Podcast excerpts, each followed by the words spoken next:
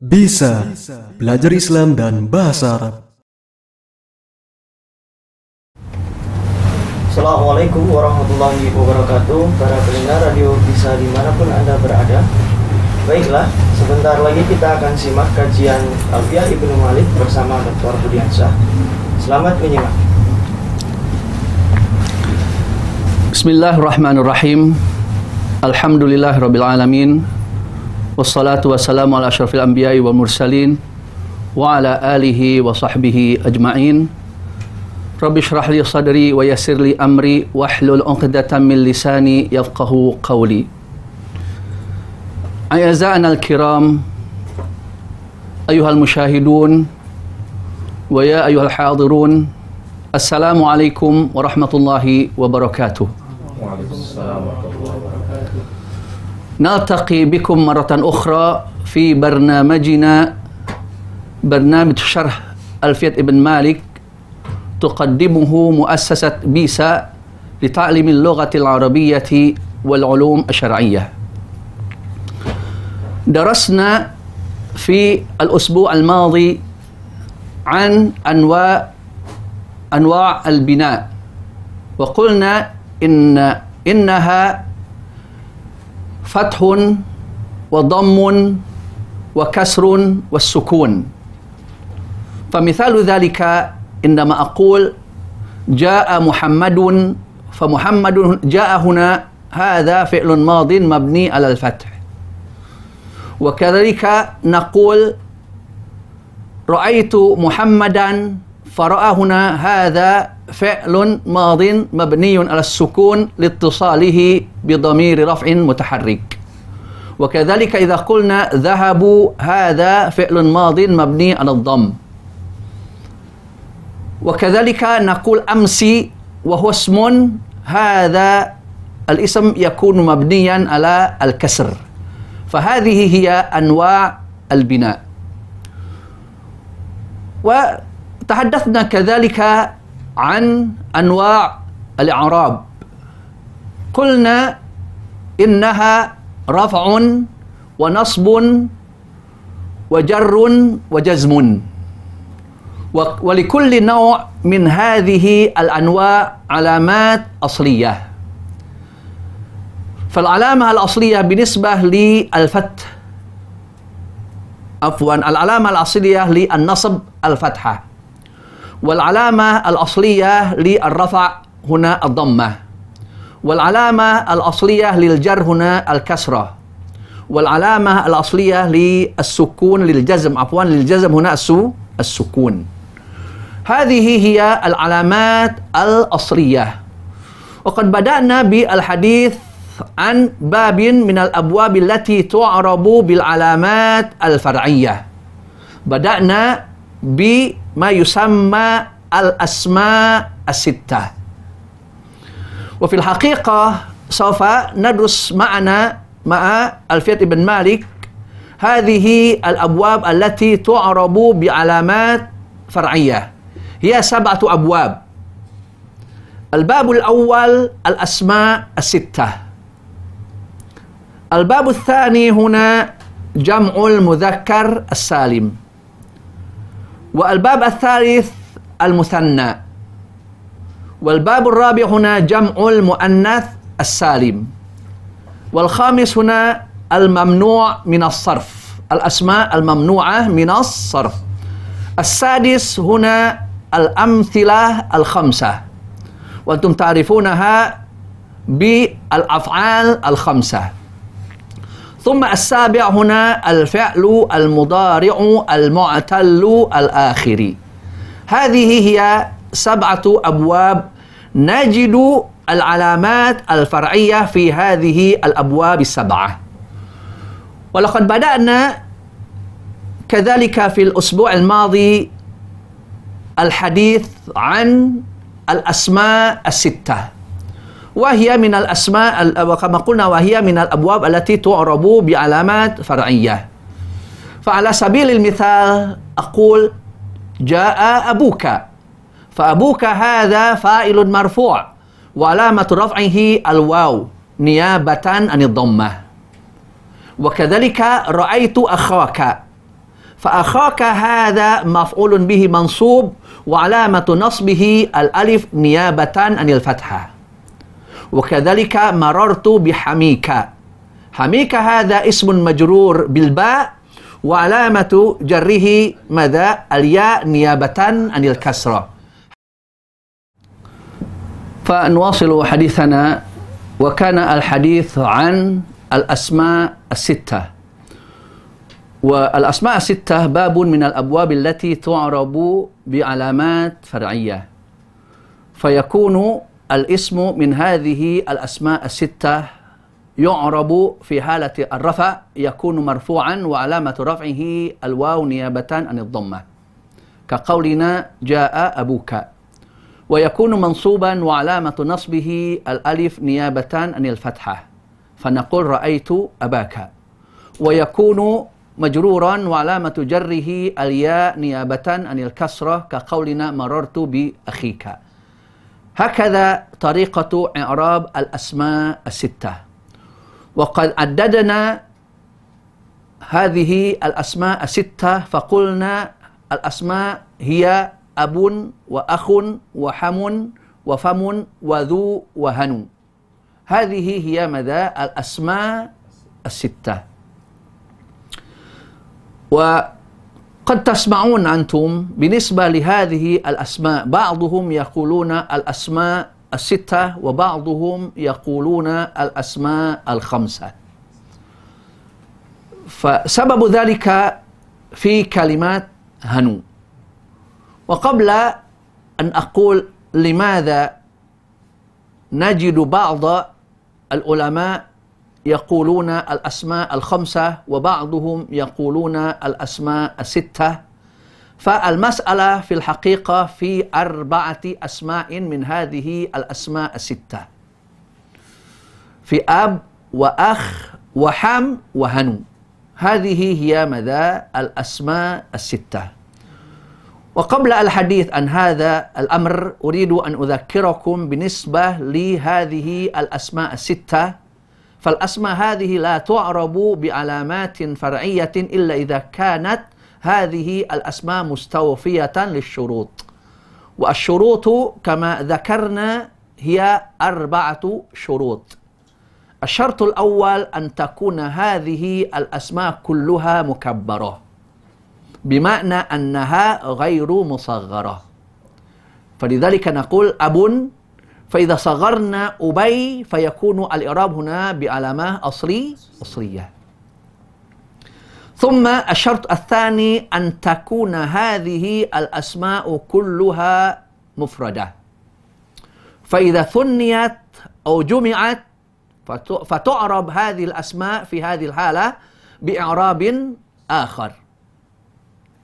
ثم الشرط الثالث أن تكون هذه الأسماء كلها مضافة. هذا الشرط الثالث. والشرط الرابع أن تكون هذه الإضافة إلى غير ياء المتكلم. فأما إذا وجدنا اسما من هذه الأسماء مضافا إلى ياء المتكلم فيكون الإعراب هنا بعلامة بعلامة أصلية وإن كانت ليست ظاهرة وإنما هي مقدرة. كقولنا هذا أخي فأخي هذا خبر المبتدأ مرفوع وعلامة رفعه ضمة مقدرة على ما قبل ياء المتكلم. هكذا نعرب. فعلامة رفعه ضمة مقدرة على ما قبل ياء المتكلم. منع من ظهورها اشتغال المحل بحركة المناسبة. لعلني بعد أن ننتهي من هذا الموضوع نعود إلى هذه الطريقة في الإعراب مرة أخرى. يهمنا هنا هذه الأسماء ماذا؟ الستة ونتعرف على الشروط التي يجب توفرها لكي نعرب هذه الأسماء بعلامات فرعية. فكما أن هناك شرطا خاصا لفم. إنما نريد أن نجعل كلمة فم هنا يعرب اسم هناك هذه الكلمة تعرب بعلامة فرعية لا بد من حذف الميم. فنقول هذا فوك. رأيت فاك وأنظر إلى فيك. كما أن ذو هنا كذلك وهي من الأسماء الستة لا تعرب بعلامة فرعية إلا إذا كان بمعنى صاحب. إلا إذا كان بمعنى صاحب. نقول هذا الرجل ذو فضل. بمعنى هذا الرجل صاحب فضل. فهذه هي مدى الأسماء الستة وهذه هي الشروط التي يجب توفرها في هذه الأسماء لكي تعرب بعلامات فرعي فرعية.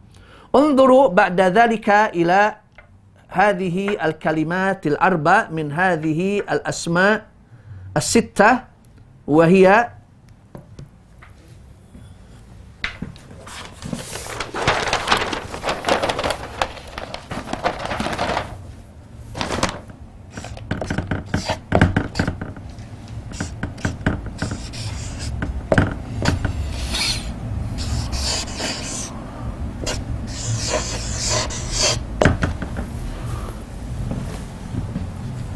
أب أخ حم هنو انظروا إلى كلام ابن مالك في هذه الأسماء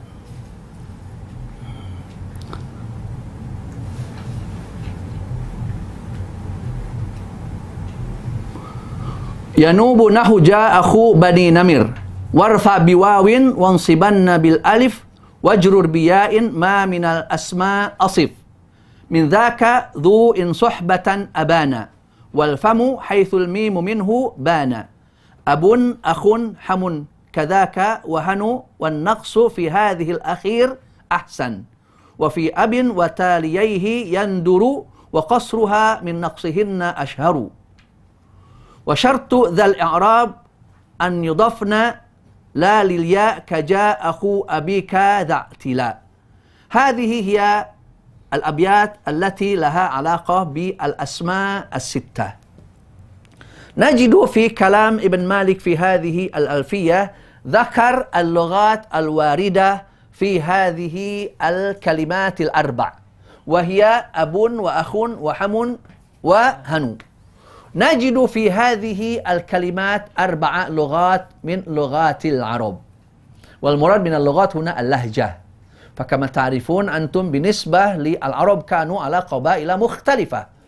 وكل قبيلة لها لهجتها تختلف عن اللهجات العربية الأخرى إما أن يكون هذا الاختلاف كثيرا أم قليلا على حسب تقارب وتباعد تلك القبائل.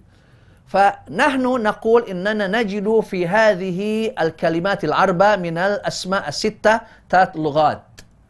أشهر هذه اللغات لغة الإتمام وهي اللغة التي نجد الإعراب هنا بعلامات فرعية. فتقول هذا أبوك رأيت حماك ومررت بأخيك وكذلك هذا هنوك رأيت هناك وأنظر إلى هنيك. هنا على لغة الإتمام وقد سألني أحد قبل ما معنى هنو؟ قلنا إن هنو هنا هو الشيء التافه الذي ليس له قيمة. فلذلك أقول هنو, هنو مالك لا ينفعك كثير كثيرا. ثم بعد ذلك يكنى بهذه الكلمة ما يستكره ذكره. ولكن الأصل بالنسبة لكلمة هنو هنا ماذا؟ الشيء التافه الذي له ليس له قيمة. نعم. فاللغة الأولى قلنا ماذا؟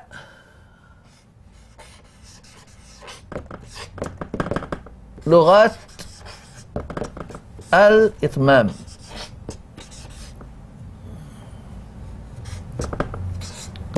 وهي اللغة التي نجد الإعراب بعلامة فرعي فرعية. اللغة الثانية لغة القصر. فتقول هذا أباك. رأيت أباك وأنظر إلى أباك. هذا أخاك. رأيت أخاك وأنظر إلى أخاك. فيكون الاسم هنا اسما مقصورا يكون الإعراب بعلامة أصلي أصلية ولكنها ليست ظاهرة وإنما هي مقدرة.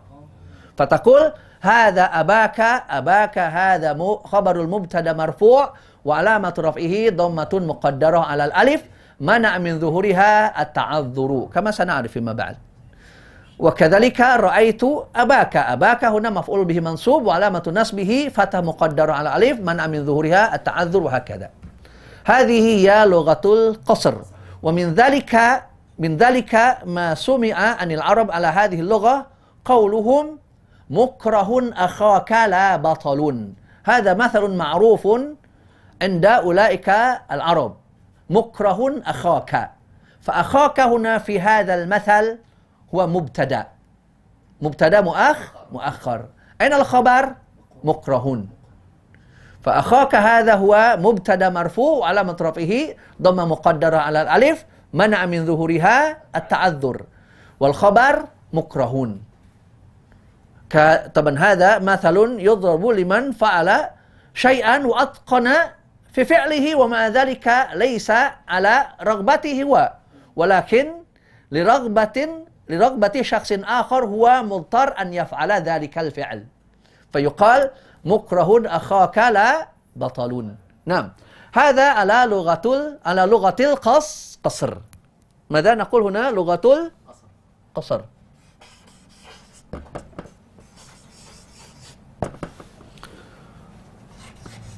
وهناك لغة ثالثة وهي لغة النقص. نقول هذا أبوك. رأيت أبك وأنظر إلى أبيك. فهذا أبوك أبوك هذا ماذا؟ خبر مبتدأ مرفوع وعلامة رفعه ضمة ضمة ظاهرة في آخره. وكذلك رأيت أبك هذا مفعول به منصوب وعلامة نصبه فتحة ظاهرة في آخره. هذه هي اللغات الواردة في أب وأخ وهم وهن. وموضع الخلاف هنا في هذه الكلمة. الأمر الذي جعلنا نجد بعض النحويين يقولون الأسماء الستة مع هذه الكلمة كلمة كلمة هنو. وبعضهم قالوا الأسماء الخمسة وذلك ماذا؟ بإخراج هذه الكلمة من الأسماء فأصبحت الأسماء خمسة. لماذا يكون كذلك؟ السبب في ذلك لأننا لابد من أن نعرف أن هناك تفاوتا بين اللغات. هي كلها لغات فصيحة. ولكن في الفصاحة ليست هذه اللغات على مستوى واحد بل إحداها أفصح من الأخ أخرى. فأفصح اللغات في هنا النقص. أفصح اللغات في هنو النقص. يا أستاذ كيف تحكم على أن هنو هنا الأفصى فيها لغة النقص؟ وذلك بالنظر إلى كلام العرب. فأكثر العرب ماذا يحذفون الحرف الأخير من الكلمة فيقولون هذا هنك. رأيت هنك وأنظر إلى هنك. فأفصح اللغات في هانو هنا لغة النقص. فلذلك ولغة الإتمام موجودة عند بعض العرب.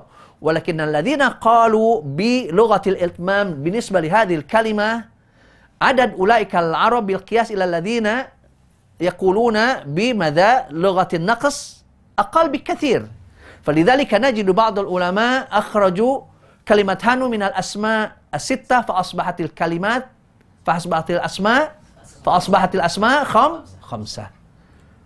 فهذا هو السبب الذي من أجله أننا نجد بعض النحويين يخرجون كلمة هنو من الأسماء الستة فأصبحت الكلمات خم خمسة. فأصبحت الأسماء خمسة. أما بالنسبة لأب وأخ وهم فأفصح اللغات في هذه الأسماء الثلاثة هي لغة الإتمام. وبعدها لغة القصر. وبعدها لغة النق النقص. وبعدها لغة ماذا؟ النق النقص. فلذلك أثبتوا هنا هذه الأسماء الثلاثة مضافة مضافة إليه إليها إليها هنا كلمات ذو وكلمات الفم فأصبحت الأسماء خم خمسة. فهذا هو السبب الذي من أجله أننا نجد بعض النحويين يقولون الأسماء الستة فذكر مع هذه الأسماء ماذا كلمات هنو. وبعضهم قالوا الأسماء الخمسة. فأخرجوا كلمة هنو من هذه الأسماء فأصبحت الأسماء كم؟ خمسة. وسبب في ذلك لأن الأفصح في هنو هنا لغة النقص. أما في أب وأخ وهم كما قلنا الأفصح لغة الإتمام ثم لغة القصر وأضعفها لغة ماذا؟ النقص. ولا بد من أن نفهم عندما نقول هذه الكلمة أفصح من هذه الكلمة هنا بالنظر إلى كثرة المستخدمين لهذه الكلمة من أولئك العرب الفصحاء. من أولئك العرب الفصحاء على اختلاف ماذا؟ قبائلهم. على اختلاف قبائلهم. فهذا هو ماذا؟ بالنسبة لما يتعلق بالأسماء الستة أو الأسماء الخمسة. نعود إلى طريقة إعراب الكلمة إعراب الاسم إذا كان مضافا إلى ياء المتكلم. انظروا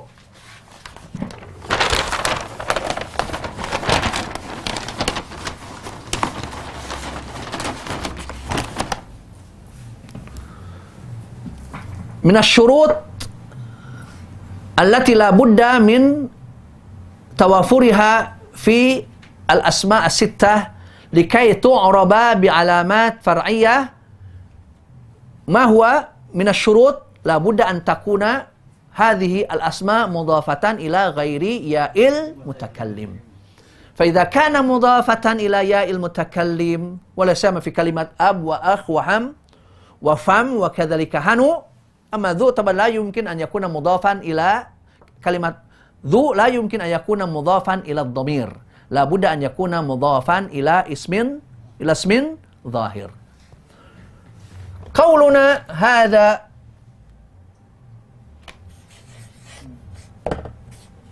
هذا أبي هو مثل قولنا هذا كتاب كتابي نحن نقول في العرب هذا أبي أبي هذا خبر المبتدأ. ماذا؟ مر مرفوع. وعلامة رفعه ماذا؟ ضمة مقدرة على ما قبل ياء المتكلم. أين ياء المتكلم هذا؟ هذه هي ياء المتكلم. نقول مرفوع وعلامة رفعه ضمة مقدرة بمعنى أن هذه الضمة ليست ظاهرة. ضمة مقدرة. منع من ظهورها اشتغال المحل بحركة المناسبة. هذه هي الحركة ال... هذه هذه هي حركة المناسبة. هذه الكسرة في هذا المثال حركة المناسبة. لمناسبة ماذا؟ لمناسبة ياء المتكلم. فالحركة التي تناسب الياء الكسرة. والحركة التي تناسب الألف الفتحة والحركة التي تناسب الواو الضمة فنحن نعرف هنا أن هذه هي هذه هي كسرة المناسبة انظروا افهموا كلامي جيدا في الإعراب أبي خبر المبتدأ ماذا مرفوع وعلامة رفعه ضمة مقدرة على ما قبل ياء المتكلم. لماذا نقول على ما قبل ياء المتكلم؟ لأن ما قبل ياء المتكلم هو الحرف الأخير من الكلمة وهو المكان الذي في الأصل أننا نجد علامة الإعراب. فهذا المكان الذي كان حقه حق حقه أن يكون مكانا لعلامة الإعراب مشغول. مشغول بأي شيء بهذه الياء. لماذا؟ لأن هذه الكلمة مضافة إليها هذه الياء فنقول هنا وعلامة رفعه ضمة مقدرة على ما قبل ياء المتكلم لما نقول على ما قبل ياء المتكلم لماذا؟ لأن ما قبل ياء المتكلم في الأصل هو هذا هو المكان لحركة الإعراب وعلامة رفعه الضمة مقدرة على ما قبل ياء المتكلم منع من ظهورها. ظهور ماذا؟ ظهور الضم الضمة. منع من ظهورها اشتغال المحل بحركة المناسبة. أين هذه الحركة؟ أين حركة المناسبة؟ هذه هي حركة المناسبة ثم بعد ذلك تقول وهو مو مضاف. والياء ضمير بارز متصل مبني على السكون في محل جر مضاف إليه. وهذا الإعراب كذلك نقول هذا كتاب كتابي فتقول كتابي هنا خبر المبتدا مرفوع وعلامة رفعه الضمة مقدرة على ما قبل ياء المتكلم. منع من ظهورها هنا ماذا؟ اشتغال المحل بحركة المناسبة ليس الحركة المناسبة بمعنى حركة المناسبة. بمعنى أن هذه الحركة إنما اجتلبت لمناسبة هذه الياء. فتقول حركة المناسبة وليست الحركة المناسبة وإنما حركة المناسبة. نعم. هذا هو المثال. نعم. وبهذا انتهينا من ماذا إعراب الأسماء الستة بعلامات فرعي فرعية. فيكون اسم من هذه الأسماء مرفوعا وعلامة رفعه الواو نيابة عن الضمة. هذا أبوك. ويكون منصوبا وعلامة نصبه الألف نيابة عن الفتحة كقولنا رأيت حماك. ويكون هذا الاسم من هذه الأسماء مجرورا وعلامة جره الياء نيابة عن الكسرة كقولنا مررت بأخيك. هكذا نعرب هذه الأسماء الستة أو هذه الأسماء الخمسة. فأنت مخير إما أن تقول الأسماء الستة فأدخلت معها هنو. وأنت يجوز لك أن تقول الأسماء الخمسة بمعنى أنك أخرجت هنو من الأسماء الخم... الستة فأصبحت الأسماء خمسة. وأنت تعرف بعد ذلك أن السبب الذي من أجله نقول ذلك أن الأفصى في هنو هنا لغة النقص. هذا هو السبب. نعم. إلى هنا إن كان هناك سؤال وسوف نواصل قليلا ونتحدث عن الشيء الثاني الذي يعرب بعلامات فرعية وهو المثن المثنى. هل هناك سؤال فيما يتعلق بالأسماء الستة؟ الأمور واضحة؟ نعم. نبدأ بعد ذلك إلى المثنى. والمثنى من الأبواب التي تعرب بعلامات فرعية. فمثال ذلك قولنا جاء رجلان رأيت رجلين وأنظر إلى رجلين فقولنا جاء رجلان هذا فاعل مرفوع وعلامة رفعه الألف نيابة عن الضمة لماذا؟ لأنه مثنى رأيت رجلين فتقول رجلين هنا مفعول به منصوب وعلامة نصبه الياء نيابة عن الفتحة لماذا؟ لأنه مثن مثنى وكذلك مررت برجلين فرجلين هنا ماذا؟ مجرور بالباء وعلامة جره الياء نيابة عن الكس عن الكسر فدائما في الإعراب التعليمي إذا ذكرنا علامة فرعية لا بد من أن نذكر مقابلها من العلامات الأصلية فلذلك عندما نقول جاء رجلان تقول رجلان هذا فاعل مرفوع وعلامة رفعه الألف ماذا نيابة عن الضمة؟ هكذا نعرب العلامات الفرعي الفرعية. والسؤال الآن ما المراد من قولنا المثنى؟ المراد من المثنى هنا ما دل على على اثنين ويمكن التجريد. في مثل قولنا رجلان. يجوز أن نقول رجل ورجل.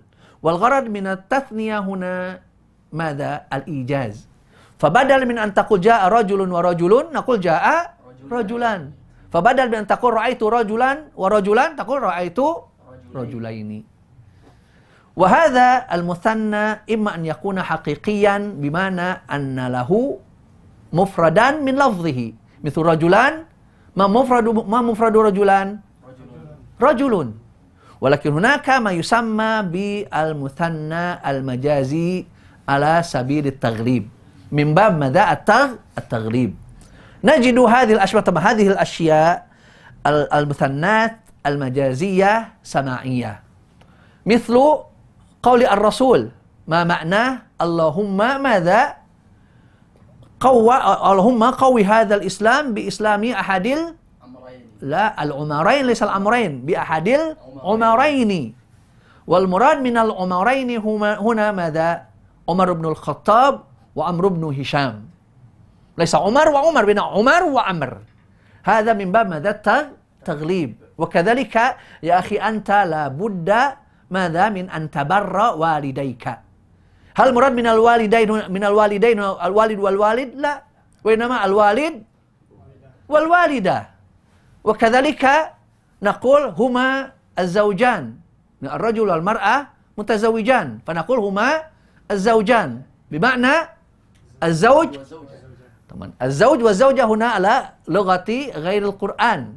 أما القرآن يقول زوج هنا للذكر والأن والأنثى. الله سبحانه وتعالى يقول ماذا لآدم؟ أسكن أنت وزوجك. هل وزوجتك ولا وزوجك؟ وزوجك. طبعا الزوج هنا في لغة القرآن للمذكر والمؤنث. في غير القرآن في كلامنا نحن نفرق بين المذكر والمؤنث بالتاء. نقول هذا زوج وهذه زوجته. ومع ذلك يثنى نقول الزوجان عفوا عندما نقول إنما طلب الرسول بماذا؟ تقوية هذا الدين بإسلام أحد الأمرين. كذلك يقال الأمران في الإسلام. هذا هذا الأمران في الجاهلية. الأمران في الجاهلية عمر بن الخطاب وعمرو بن هشام.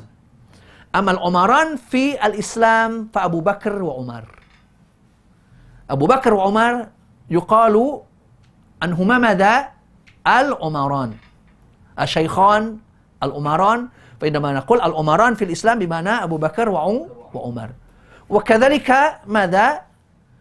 من المثال من المثنيات من المثنيات المجازية مثل ماذا؟ مثل ماذا؟ غير هذا طبعا الثقلان الثقلان هو ثق- ثقل وثقل هو الإنس والجن الإنسي والجني مثال آخر القمران ما المراد من القمرين الشمس والقمر فهذا مثنى ماذا مجا مجازي. نعم. وهناك بعد ذلك ما يكون ملحقا بالمثنى. طبعا المثنى المجازي له مفرد له مفرد. وإن لم يكن المفرد أحدهما ليس من ماذا؟ من نفس المثنى. ولكن بالنسبة لما يسمى بالملحق بالمثنى ليس له لفظ مفرد. مثل كلمات الاثنان واحد اثنان ما مفرد اثنان لا يقال اثن اثنان هكذا مستعمل ومع ذلك عندما نعرب كلمة اثنان فنجد أنه يعرب إعراب المثنى ففي هذه الحال نقول إن اثنان هنا ليس مثنى وإنما هو ملحق بالمثنى وكذلك مثل كلا وكلتا جاء الرجلان كلاهما رأيت المرأتين كلتيهما. هل نقول كلتا هنا واحد واحدهما كلت؟ لا. وكلا هنا واحد كلا كل؟ لا. فهكذا مستعمل في اللغة. فكلاهما هنا هذه الكلمة ماذا؟ ملحقة بالمثن بالمثنى. وكما تلاحظون بالنسبة لكلمة ال- المثنى يكون الإعراب كما قلنا بعلامات فرعية فيكون مرفوعا وعلامة رفعه الألف نيابة عن الضمة جاء الرجلان ويكون منصوبا وعلامة نصبه الياء نيابة عن الفتحة رأيت رجلين ويكون مجرورا وعلامة جره الياء كذلك نيابة عن الكسرة كقولنا مررت برجلين والذي يهمنا هنا وإن كنا سوف نتحدث كذلك في جمع المذكر السالم بالنسبة لطريقة تثنية علم فنقول هذا أحمد هذا أحمد هما الأحمدان. لابد من الأل. هذا عمر وهذا عمر هما العمران. هذا علي هذا علي هما العل الع- العليان. وكذلك للمؤنث هذه عائشة وهذه عائشة هما العائشتان. لماذا لابد لماذا لابد من ال هنا؟ السبب في ذلك لأن التعريف الذي كان موجودا في هذا العلم قد ذهب مع التثنية وكذلك سوف تعرفون مع الجمع. فلإعادة التعريف على هذه الكلمة المثنات لابد من إضافة ال. فنقول هذا محمد هذا محمد هما المحمدان. هذا أحمد هذا أحمد هما ال الأحمدان. فلذلك أنا قلت للطلاب تعرفون أنتم الآن الفرق بين محمدون والمحمدون. المحمدون هذا جمع محمد. أما محمدون هذا اسم أستاذك. اسمه أستاذ اسمه ماذا؟ محمد محمدون. هذا الاسم شخص واحد. لكن المحمدون هنا جمع محمد. وكذلك هناك أستاذ آخر اسمه بكرون. بكرون هذا اسمه هو لكن إذا كان هناك شخص اسمه بكر وشخص آخر اسمه بكر وهناك شخص آخر اسمه بكر فنقول هؤلاء البك البكرون. فتعرفون أنتم الفرق بين بكرون والبكرون. هذا بالنسبة للاسم الذي يمكن أن يثنى. ولكن يا أستاذ إذا كان الاسم هنا ليس عربيا هذا واوان هذا واوان. إذا كيف نجمع؟ نقول هما ذوا واوان. هما ذوا واوان. بإستخدام كلمة ذا ذوا هذا سمبنو هذا سمبنو هما ذوا سمبنو. هكذا نستخدم وفي الجمع ستفرد باستخدام كلمة ذا ذو. هذا هو ما يتعلق ماذا؟ بالمثن المثنى. فالمثنى هنا إما أن يكون حقيقيا ما له مفرد من لفظه وما يكون ماذا؟ مثنى مجازيا هنا يكون الإسمان مختلفان في المفرد ولكن لغرض التغليب يثنى. كما مثلت بالنسبة للعمرين والمراد منهما أبو بكر وعمر. وهناك ما يسمى بالملحق بالمثنى. بمعنى أن هذه الكلمة ليست مثناه ليست مثنات ولكنها في الإعراب تعامل معاملة المثنى. فلذلك نقول إن هذه الكلمة ليست مثنات وإنما نقول إنها ملحقة بالمثنى. وبهذا ننتهي وسوف نأخذ بعد ذلك في الدرس القادم جمع المذكر السالم وجمع المؤنث السالم بإذن الله. وبالهداية والتوفيق والسلام عليكم ورحمة الله وبركاته.